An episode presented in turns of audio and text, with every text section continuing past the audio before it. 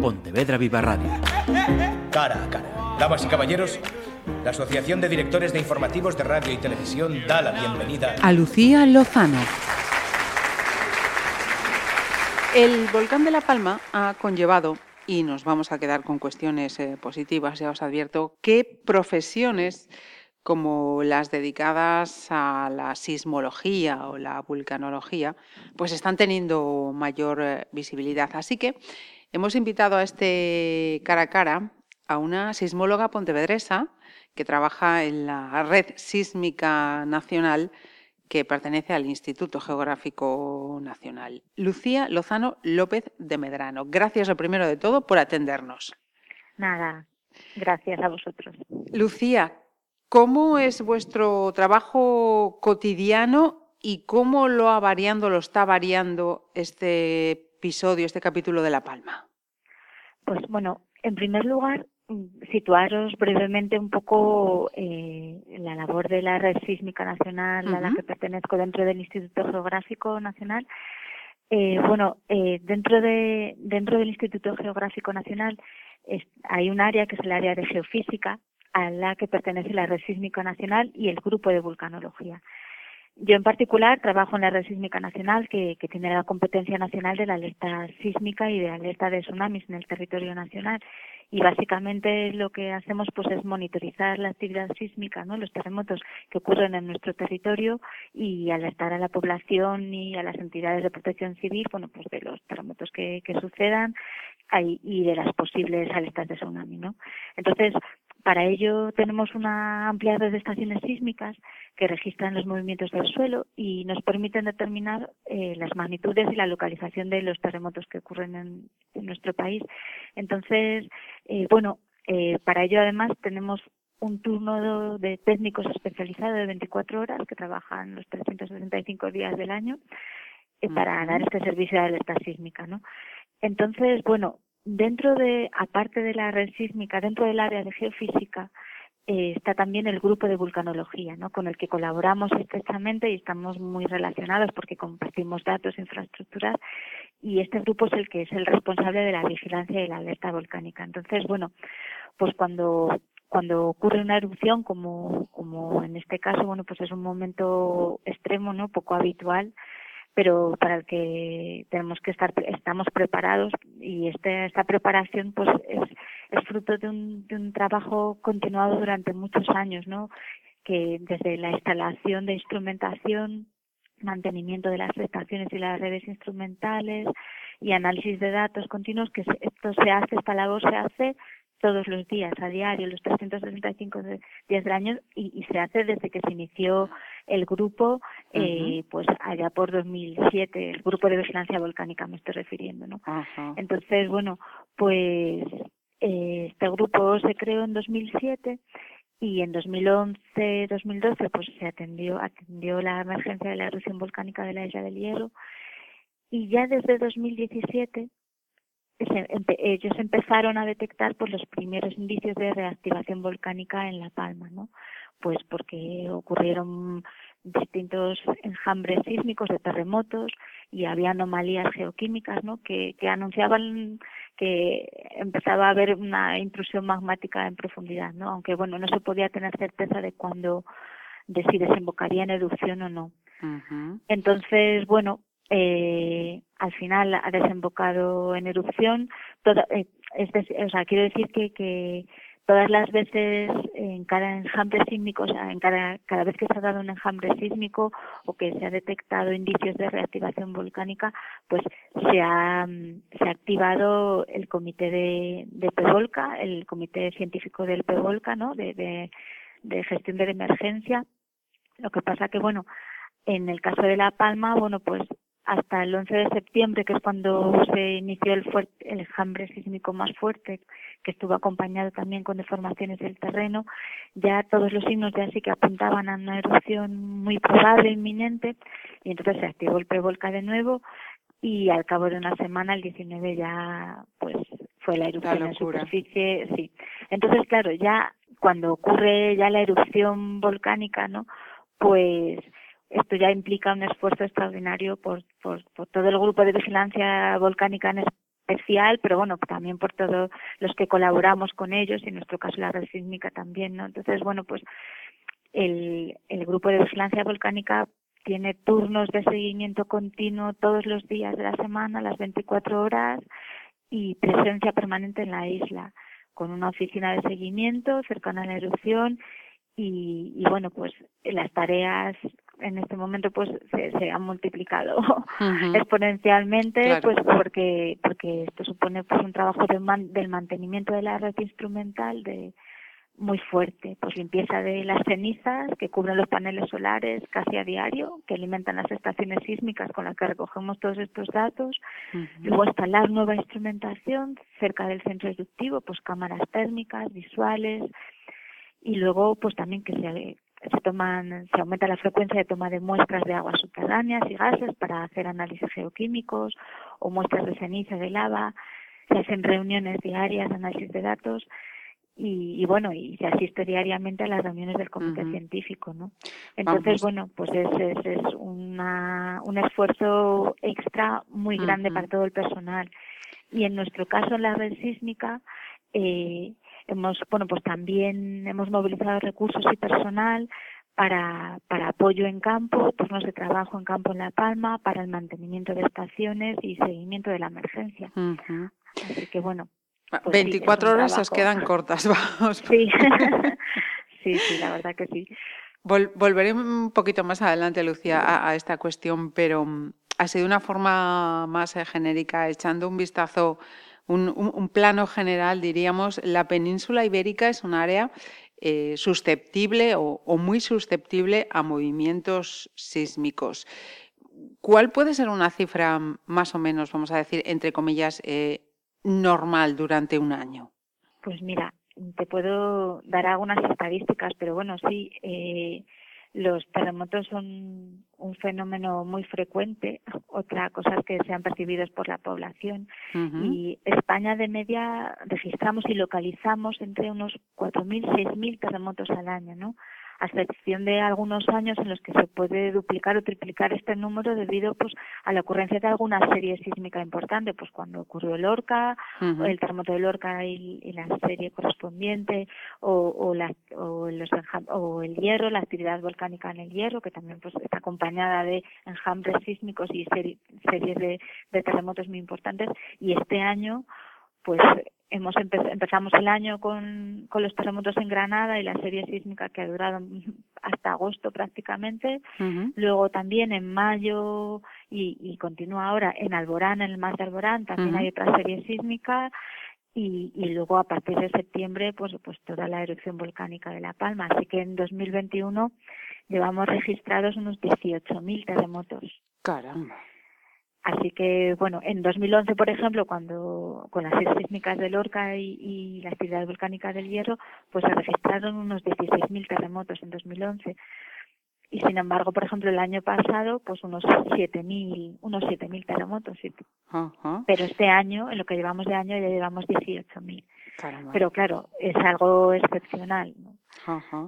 Pero bueno, también, sí, perdón. No, no, no, siga, pero también te he interrumpido, discúlpame. Que, que también eh, hay que tener en cuenta que, que, que, la mejora de la instrumentación, el disponer de equipos cada vez más sensibles, ¿no? capaz de detectar movimientos del suelo cada vez más pequeños, ¿no? Y también la mejora de, las comunicaciones para transmitir datos en tiempo real y, de la informática para almacenar todos esos datos, ¿no? Y el haber densificado, aumentado notablemente el número de estaciones en los últimos años, pues que, por ejemplo, en, los últimos 10 años hemos duplicado el número de estaciones y actualmente contamos más con más de 200 estaciones eh, distribuidas por toda por todo el territorio. Entonces, bueno, pues esa mejora de la cobertura también ha permitido incrementar el número de terremotos que nosotros detectamos, o sea, que, que la red sísmica detecta y localiza. Entonces, bueno, pues este aumento también está relacionado con eso, pero pero sí que es verdad que en este año, bueno, pues la, eh, la actividad sísmica en Granada, en Alborán y en La Palma ha hecho que, que, el número de terremotos pues sea mucho mayor que, que un año normal. Nos acabas de citar eh, Granada, la zona de Alborán, pero eh, Galicia también es uno de los eh, lugares, digamos, eh, con, con, importante sismicidad dentro de, de España. Sí, sí. Eh, bueno, Galicia, a ver, dentro de la península ibérica se, se, puede considerar como un área de sismicidad baja a moderada, ¿no? generalmente tiene terremotos de, magnitud pequeña, pero de vez en cuando presenta algunas series sísmicas o terremotos de, importantes de una magnitud ya eh, más grande, moderada, podamos, podríamos decir, de magnitud mayor de 4, que, que bueno, que, que, que hace que, que pues se pueda considerar una zona, pues eso, que, que aun siendo de un área de peligrosidad baja, hay que tener en cuenta que, que, que, tiene cierta peligrosidad en el sentido de que se dan de vez en cuando terremotos de una magnitud un poco mayor, ¿no? Por ejemplo, en, en nuestra época reciente, instrumental, eh, bueno, pues ha habido en Galicia dos series de las dos series sísmicas más importantes de España, ¿no? Eh, recientes, que es en las que ocurrieron en la zona de Sarria, Becerrea, Tria, Castela, en Lugo, ¿no? En 1995 y 1997, eh, donde, bueno, pues se dieron dos terremotos, o sea, terremotos de magnitudes hasta entre 4,6 y 5,2 los de mayores magnitudes, ¿no? O sea, que se dio un terremoto máximo de magnitud eh, hasta magnitud 5 y se sintieron con intensidades máximas de, de 6, ¿no? O sea, que ya ya es un terremoto importante. Entonces, eh, bueno, eh, pero aparte de y esto en cuanto a terremotos en, en, tierra que sean sentidos por la población, pero también tenemos en Galicia también se dan eh, terremotos con, sí en la costa con epicentro en el mar, pero próximo a la costa, ¿no? Y que son sentidos a lo mejor en, en, en las localidades más cercanas a la costa. Y por ejemplo, pues este año eh, en la frente a la costa de en la vertiente cantábrica no frente a la costa de Coruña Lugo. Eh, ahora en octubre hubo un terremoto de magnitud 4,4 que fue sentido ampliamente en Coruña y en Lugo en las provincias de Coruña y Lugo. En Pontevedra en la provincia de Pontevedra ya ya concretando un poco más en, en Pontevedra bueno pues en nuestro catálogo histórico hay algún terremoto de los ocurridos en cerca de la costa, ¿no? Que en, que fueron sentidos con una intensidad fuerte, intensidad 7, en 1920. Pero, pero en los últimos 50 años las magnitudes e intensidades máximas son de 3,6, mm, magnitud 3,6 en el en el, en el 73 y un magnitud 3,4 en 1980 que fueron sentidos con una intensidad moderada de 5, pero el resto de sismicidad de la zona tiene magnitudes por debajo de tres y medio, e intensidades muy leves de dos tres. Entonces, bueno, pues eh, en este último año, por ejemplo, los terremotos más recientes de este año, ¿no? Que, que hayan sido sentidos en la provincia de Pontevedra, tenemos uno en agosto en Acañiza de magnitud 3,1 y otro en septiembre en Mondariz de magnitud 2,7. O sea, que estamos hablando de magnitudes muy, muy pequeñas. Sí, muy pequeñas. En comparación con el resto de la península, vamos.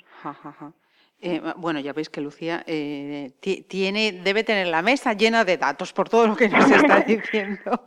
Mira, Lucía, em, lo comentabas al, al, comienzo. Vosotros también os ocupáis de maremotos o tsunamis. Y, y, en este sentido quería preguntarte por dos cuestiones que trascendían en, agosto de este año. El Ministerio del, Interior aprobó el Plan Estatal de Protección Civil ante riesgo de maremotos y desde el CSIC trascendía un estudio hablando de riesgo real de tsunami en España. Entonces, quería preguntarte, por una parte, ¿qué debemos entender por riesgo real? Y por otra, si ese plan al que me refiero responde a un riesgo real o es que se carecía de un plan de contingencia? ¿Ya han coincidido en el tiempo, en el tiempo ambas cuestiones? Vale, pues te, te, comento. A ver, eh, España, en España hay constancia, tenemos nuestros constancia, nuestro catálogo histórico de, de tsunamis eh, a lo largo de, de la historia. tenemos como un registro de unos 14 tsunamis ¿no? debido causados por terremotos Ajá. porque los, los tsunamis pueden ser debidos, o sea, las fuentes que originan un, tsunami pueden pueden ser pueden ser distintas a los terremotos, pueden ser erupciones volcánicas o grandes deslizamientos, ¿no? De ladera o deslizamientos submarinos, pero bueno, la fuente o, el fenómeno más habitual, más frecuente que genera, más probable que genera un maremoto, un tsunami, son los terremotos. Entonces, centrándonos en, en lo que son tsunamis generados por terremotos, nosotros en nuestro catálogo histórico sí que tenemos eso, unos 14 tsunamis eh, en el Atlántico, entre el Atlántico y la costa norte de Marruecos que han afectado a las costas españolas. Por lo que si ya han ocurrido en el pasado, pueden volver a ocurrir en un futuro. Así que sí que eh, sí que en España sí que hay un riesgo real de, de, tsunami ¿no? que afecte a nuestras costas, para lo cual tenemos que estar preparados. Entonces, en ese sentido, eh, la red sísmica tiene implementado un sistema de alerta frente a maremotos ¿no? para dar una alerta a la ciudadanía y las autoridades de protección civil antes de que el tsunami llegue a nuestras costas. Por suerte, afortunadamente, este peligro de tsunami pues no es tan alto como en otros países mediterráneos, como puede ser Turquía o Italia o Grecia, ¿no? Pero eso no quiere decir que no exista. Entonces, por ejemplo, nosotros eh, en los últimos eh, o sea, el, el, de hecho, por ejemplo, el, el terremoto, el tsunami más reciente que ha afectado a las costas españolas fue en 2003 por un terremoto que se dio en, en la costa de Argelia, en Bumerdes, de magnitud 6,8 y este este terremoto generó un tsunami en el Mediterráneo que que en el Mediterráneo occidental, ¿no? Que afectó a Baleares, no sé si se recordará, es que bueno, pues Allí eh, hubo numerosos daños en embarcaciones y, se registraron alturas de ola de hasta un poco más de un metro, ¿no? Y, también afectó al sureste de, España. Entonces, bueno, pues eh, sí que existe un riesgo real de, tsunami en España, lo que pasa que no es tan alto como en otros países. Y, bueno, pues la, el plan de estatal ante riesgo de tsunami responde a este riesgo pero bueno, la publicación del estudio, de este estudio del CSIC, pues ha, coincidido un poco en el, tiempo. En el tiempo, pero vamos, no, no. No hay que alarmarse. Eh, no, me refiero que, que, que este estudio, pues, eh, habla, se refiere a, un a unas fallas muy específicas en el mar de Alborán, que de hecho no es que no es la más peligrosa para generar tsunamis. Hay otras fallas en Alborán que, que tienen más, eh, peligrosidad, sí, más, más riesgo, ¿no?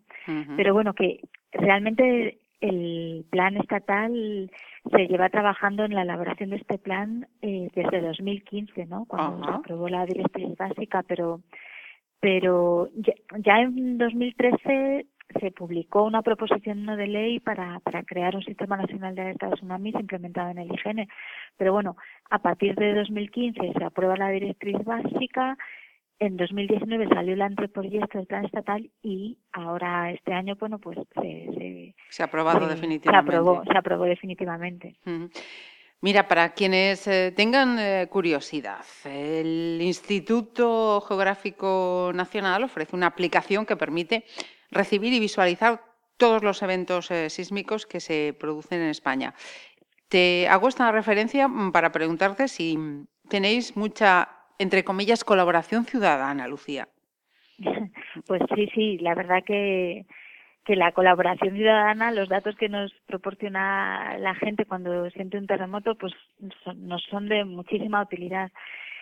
Y bueno, esta aplicación móvil es una aplicación gratuita que se puede descargar cualquier usuario desde para, para pues, tanto con plataformas Android o Apple y, y ahí pues es una aplicación que te da pues la información de los eventos sísmicos, los terremotos, ¿no? Eh, que se registran en tiempo real y con todos sus parámetros, su magnitud, eh, la distancia a la que te encuentras del epicentro del terremoto y permite al usuario tanto pues que recibir notificaciones de terremotos según pues el área en la que esté o la magnitud que quiera seleccionar de terremoto y también eh, enviarnos información eh, a través de rellenando un cuestionario en el propio móvil de, mm, si en caso de que haya sentido un terremoto no entonces Entonces, de hecho, eso cuando ocurre un terremoto que es ampliamente sentido por la población, recibimos miles de cuestionarios, tanto tanto a través de esta aplicación móvil como a través de nuestra página web que tiene muchísimas visitas. Y también se puede rellenar información, el cuestionario eh, a través de la página web. Entonces, toda esta información que recibimos a través de los cuestionarios eh, nos son de gran utilidad porque suponen una fuente de datos para nosotros fundamental que nos permite estimar la intensidad de un terremoto ¿no? y elaborar los mapas de distribución de intensidades en las distintas localidades en las que ha sido percibida. La ah. intensidad me refiero a, a un parámetro que, que, que nos da idea de eh, eh, cómo se mueve el suelo en una determinada localidad eh, y, y cómo, cómo, qué efectos tienen las personas y los objetos y qué daños produce. O sea, es una medida eh, indirecta o subjetiva del tamaño del terremoto a partir de los efectos en personas y los daños que, produce, cómo lo siente la población. Entonces, un mismo terremoto eh, en distintas localidades tendrá distintas intensidades, porque la gente lo percibe de, manera distinta. Entonces, para hacer eh, los cálculos ¿no? de estimar las intensidades de, de, del la intensidad del terremoto y bueno para elaborar otros otros productos que nosotros eh, sacamos eh, publicamos pues nos es de mucha mucha ayuda los cuestionarios que nos envía la, la, ciudadanía sí. mira y volviendo a, a la cuestión del volcán de La Palma y toda esta información, a veces yo, creo que sobre información que, que ofrecemos y, difundimos. Quiero preguntarte, eh, Lucía, por lo que a vosotros os ha, podido llegar al respecto, eh, qué ideas o afirmaciones eh, equivocadas o falsas nos puedes apuntar para que las descartemos. Bueno, sí, la verdad que hay como una cuestión que sí, que sé que ha salido mucho en los medios también y que, que se ha exagerado mucho y es la, la de un posible derrumbe, ¿no? De, de, de una parte de la isla de La Palma que, que generaría un mega tsunami al caer todo ese material al mar, ¿no? Es verdad que en las islas volcánicas tienen episodios de deslizamientos y, y derrumbes, ¿no? Porque el propio edificio volcánico, pues aparece, pues, por tiene procesos de construcción por la emisión de las lavas, se va construyendo a medida que se van emitiendo las lavas, pero a la vez también tiene procesos de destrucción, ¿no? Se derrumba parte del cono, como estamos viendo ahora en La Palma, o sea que, pero bueno, pero, pero, y de hecho, bueno, pues sí que se han documentado en el pasado, pues, eh, procesos de este tipo, bueno, pues en el Hierro, en Tenerife, en otras erupciones históricas pero, pero claro, estos eventos son de carácter mucho más local, no no o sea, no tendrían unas consecuencias, tan brutales como esas. Claro, con generar un mega tsunami, eso no hay ninguna evidencia de que de que eso pueda ocurrir ni de que el flanco este de la isla se esté desestabilizando y, bueno, pues eso, que, que en ese sentido se ha exagerado mucho en los medios de comunicación en este aspecto, ¿no? Y, y, y luego otra otra cuestión también es que, que, que, está circulando, ¿no? otra idea que ha circulado es que, que la erupción podría causar alteraciones climáticas globales, ¿no? O sí. Lo cual tampoco tampoco es cierto, ¿no? Porque sí que es verdad que hay erupciones que han sido capaces de alterar el clima a lo largo de la, de la historia, pero eran erupciones eh, mucho más explosivas, eh, eh, a escala pues muchísimo más grande, ¿no? O sea, que tiene que tener esta, una erupción para que genere estas, estas, estas consecuencias, alteraciones climáticas, pues tiene que tiene que tener unas determinadas características, ¿no? Ser muy, muy explosiva y emitir, un volumen enorme de cenizas y aerosoles, ¿no? Y desarrollar unas columnas gigantes que lleguen a alturas,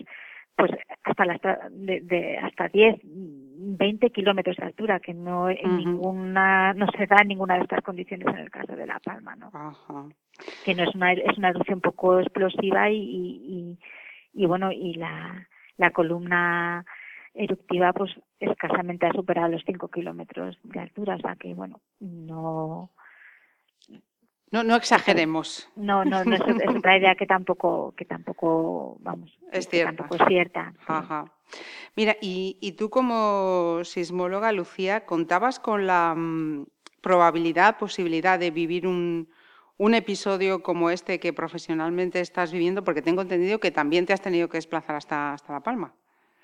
Sí, sí, nosotros, bueno, eh, yo y más compañeros de la red sísmica, eh, pues estamos dando apoyo también en campo en, La Palma a los compañeros de vigilancia volcánica porque tenemos que se, tienen que establecer turnos para estar con presencia continua entre cinco o seis personas eh, y claro ya llevamos dos meses casi dos meses y medio van a hacer tres van a hacer tres meses dentro de nada de erupción y bueno, pues somos un número limitado de personas, entonces al final, eh, pues eso, es importante eh, ayudar, ¿no? Entonces, si contábamos la posibilidad de vivir, un, de vivir un episodio como este, pues la verdad es que, a ver, ya, ya, ya se vivió, ¿no? La erupción volcánica de submarina de hierro, lo que pasa que fue una erupción submarina, entonces, bueno, pues no tuvo unas consecuencias como, como las que está teniendo las de La Palma, eh, pero es verdad que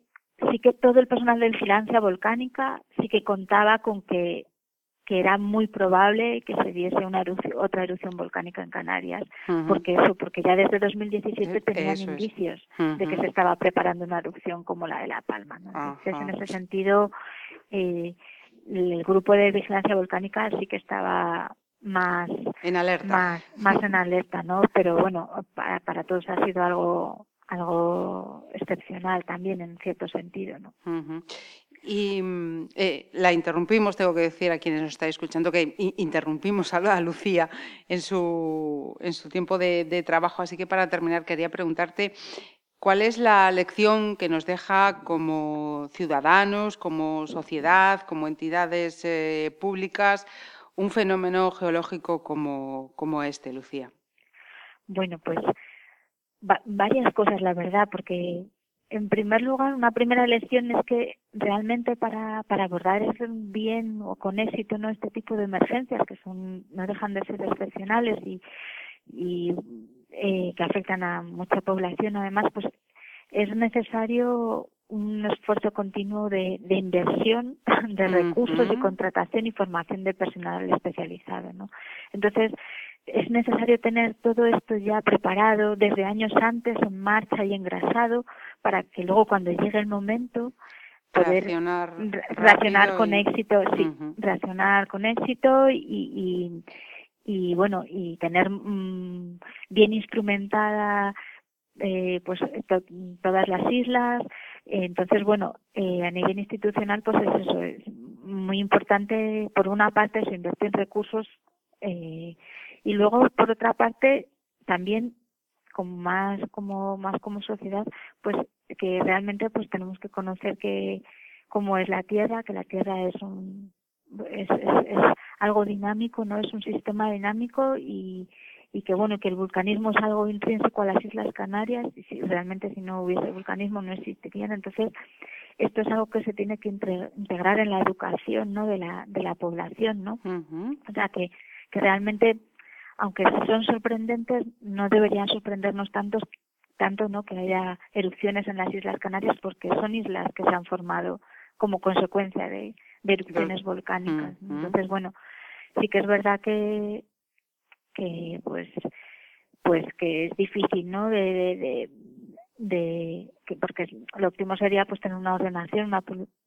planificación urbanística acorde con esto, pero que es verdad que hay que reconocer que es difícil, ¿no? Porque porque donde donde se prohíbe construir no donde donde se deja de cultivar realmente esto es muy complicado. Entonces lo mejor es simplemente pues estar muy preparado estar informado tener inversión pública en, en investigación y en personal y en recursos no dedicados a, a, la vigilancia volcánica para que cuando se dé una erupción pues y cuando finalmente ocurre pues poder abordarlos, claro, de la mejor manera posible, ¿no? Pues eh, cantidad de cosas interesantes eh, que nos acaba de dejar eh, Lucía con esta charla. Agradecerte de verdad que nos hayas hecho este huequito para atendernos y, contarnos todas estas cosas y acercarnos a esta profesión que tan intensamente estáis, estáis ahora trabajando. Fijaos lo que decía al comienzo, los 365 días del año, las 24 horas del día como para no atenderos. Lucía Lozano López de Medrano, muchísimas gracias. Nada, a vosotros. Pontevedra Viva Radio. ¿Me permiten que les haga un comentario como espectadores del programa Cara a Cara? Según un reciente sondeo de mercado, ustedes disponen de estudios e inteligencias superiores a la media. Sus intereses abarcan desde la actualidad mundial y la ciencia hasta el deporte y los espectáculos.